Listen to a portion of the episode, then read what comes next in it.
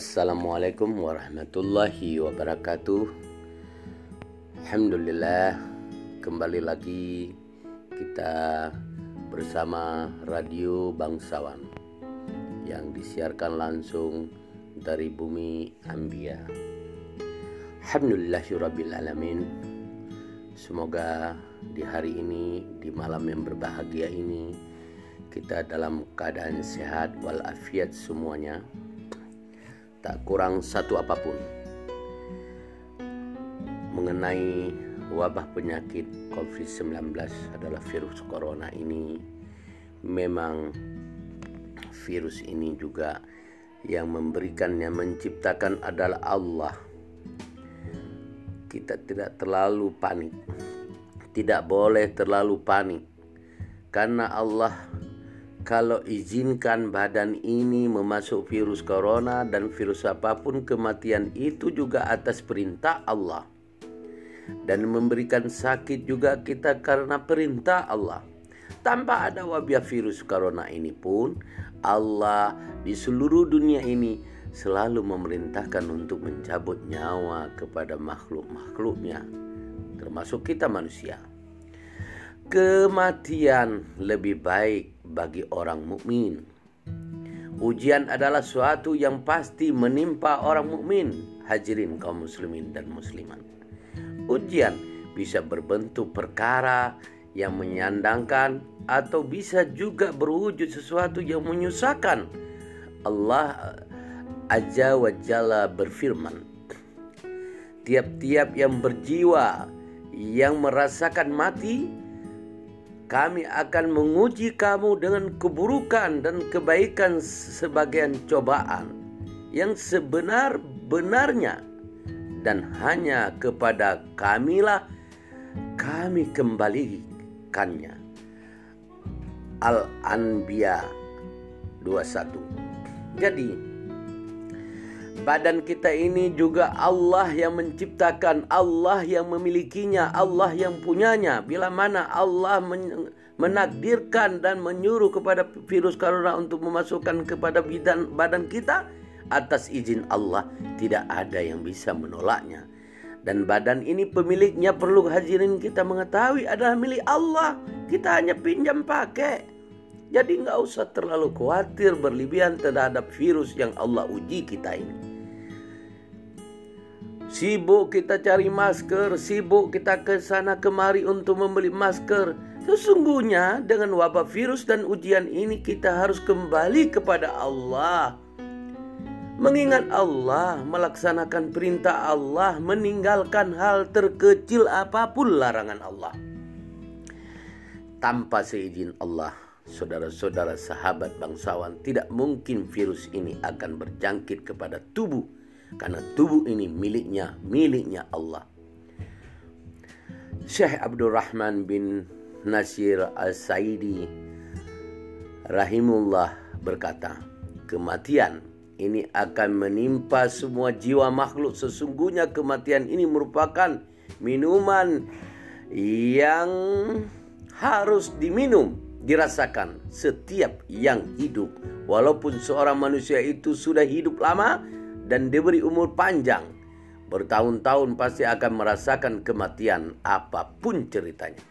Tetapi Allah Azza, Azza wa Jalla menciptakan para hambanya di dunia, memberikan kepada mereka perintah dan kelarangan, menguji mereka dengan kebaikan dan keburukan, dengan kekayaan dan kemiskinan, kemuliaan dan kehinaan, kehidupan dan kematian sebagai cobaan dari Allah Aja wa Jalal untuk menguji mereka siapa di antara mereka yang paling baik perbuatannya? Siapa yang yang akan tersesat atau selamat di tempat-tempat ujian? Tafsir Karimir Rahman surat Al-Anbiya ayat ke-35 kematian orang tersayang di antara bentuk ujian dan Allah Azza wa Jalla berikan kepada para hambanya adalah dengan mewafatkan orang tersayang baik itu orang tua, suami, istri, anak-anak, saudara atau lainnya. Allah Azza wa Jalla berfirman, "Dan sesungguhnya akan kami berikan cobaan kepadamu dengan sedikit ketakutan, kelaparan, kekurangan harta, jiwa, buah-buahan dan berikanlah berita gembira kepada orang-orang yang sabar, yaitu orang-orang yang apabila ditimpa musibah mereka mengucapkan inna ilahi wa inna ilahi rajiun. Mereka itulah yang mendapat keberkatan yang sempurna dan rahmat dari Rab. Mereka dan mereka itulah orang-orang yang mendapat petunjuk Al-Baqarah 2 155 dan 157. Semua itu harus dihadapi dengan kesabaran ujian dengan virus corona ini. Kita hadapi dengan kesabaran, dengan ketenangan, tidak usah panik. Ala kata kita memakai masker, memakai ini, memakai itu. Kalau Allah takdirkan masuk ke dalam tubuh kita, badan kita virus yang tersebut, tidak ada yang bisa menolaknya karena semua ini atas seizin Allah. Kita ini milik Allah Azza wa Jalla dan sesungguhnya hanya kepadanya kita semua akan kembali menghadap pengadilannya dan anggota badan pun tidak melakukan perbuatan yang dilarang agama seperti menjerit, menampar pipi, merobek baju dan semacamnya. Dua perkara yang dibenci manusia.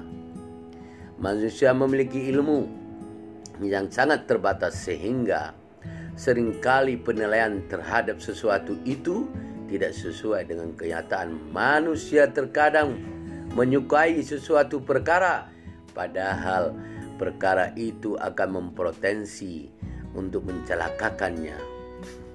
Hadirin kaum muslimin dan muslimat.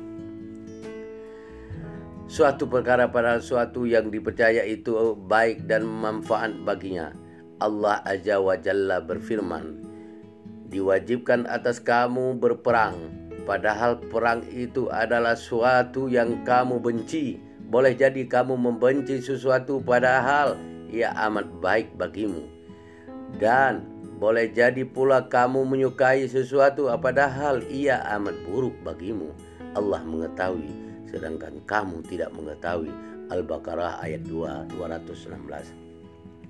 Oleh karena itu, hadirin kaum muslimin dan musliman, pendengar radio bangsawan, ketika seorang ditimpa ujian kematian oleh orang yang dicintai, dia harus husnuzon bersangka baik kepada Allah aja wajalla dan berusaha menghadapi musibah ini dengan penuh kesabaran. Di antara cara meraih kesabaran ketika ditinggal mati oleh orang yang dia cintai. Dan orang yang mati tersebut insya Allah adalah seorang mukmin adalah dengan meyakini bahwa kematiannya adalah merupakan kebaikan bagi dia sebagai seorang mukmin sesungguhnya ada dua perkara yang dibenci oleh manusia padahal dua perkara tersebut baik bagi seorang mukmin Nabi sallallahu alaihi wasallam bersabda dari Mahmud. Labid bahwa Nabi Shallallahu Alaihi Wasallam bersabda dua perkara yang dibenci anak Adam. Pertama, kematian. Padahal kematian itu lebih baik bagi seorang mukmin daripada fitnah, kesesatan di dalam agama. Kedua, dia membenci sedikit harta padahal sedikit harta itu lebih menyakiti hisap. Penghitungan amal. Ahmad dan lain-lain disahihkan oleh Al-Abani di dalam Ashaliha nomor 813. Hal ini juga sangat dipahami oleh sebagian sahabat.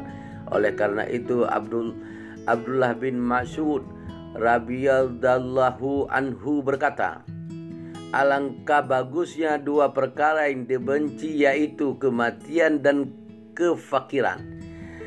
Demi Allah, ketahuilah sesungguhnya kekayaan atau kemiskinan. Aku tidak peduli dengan yang mana dari keduanya aku diuji. jika aku diuji dengan kekayaan, maka sesungguhnya di dalam kekayaan itu menolong. Jika aku diuji dengan kefakiran, maka sesungguhnya dalam kefakiran itu kesabaran. HL Tabarani Ahmad di dalam Az-Zuhud dan lain-lain. Abdullah bin Mas'ud radhiyallahu anhu juga berkata, demi Allah, Aja wa Jalla yang tidak ada ilah yang tidak adalah ilahi yang hak kecuali dia. Tidak ada satu jua pun yang mati karena kecuali kematian lebih baik darinya.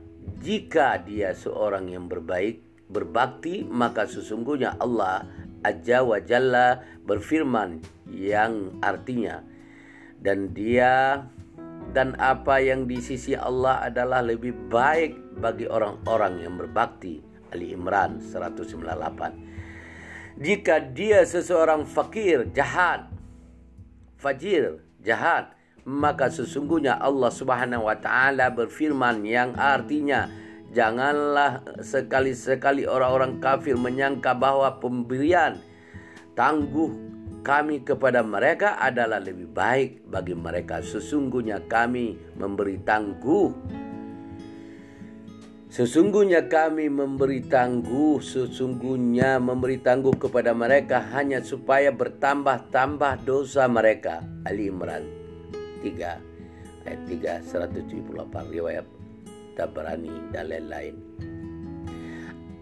Ayat yang mulia ini Ali Imran ayat 3 178 menunjukkan adanya problem dan syubhat yang merasuki sebagian hati manusia yaitu musuh-musuh kebenaran tidak didapatkan siksa di dunia diberi kesenangan secara lahirnya dengan kekuatan kekuasaan harta benda dan kedudukan yang hal ini menimbulkan kesesatan di hati mereka dan orang-orang yang berada di sekitar mereka.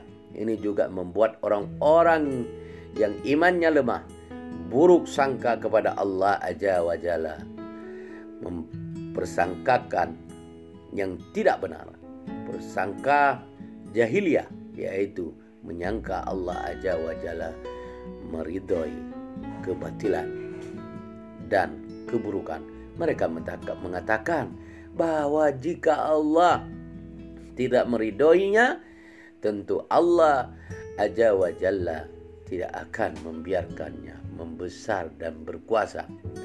Ketahuilah wahai saudara-saudara pendengar radio di bangsawan. Sesungguhnya tidak segera menyiksa mereka ketika Allah memberikan berbagai kesenangan di dunia. Itu semua hanyalah tipu daya terhadap mereka karena Allah tidak menghendaki kebaikan bagi mereka.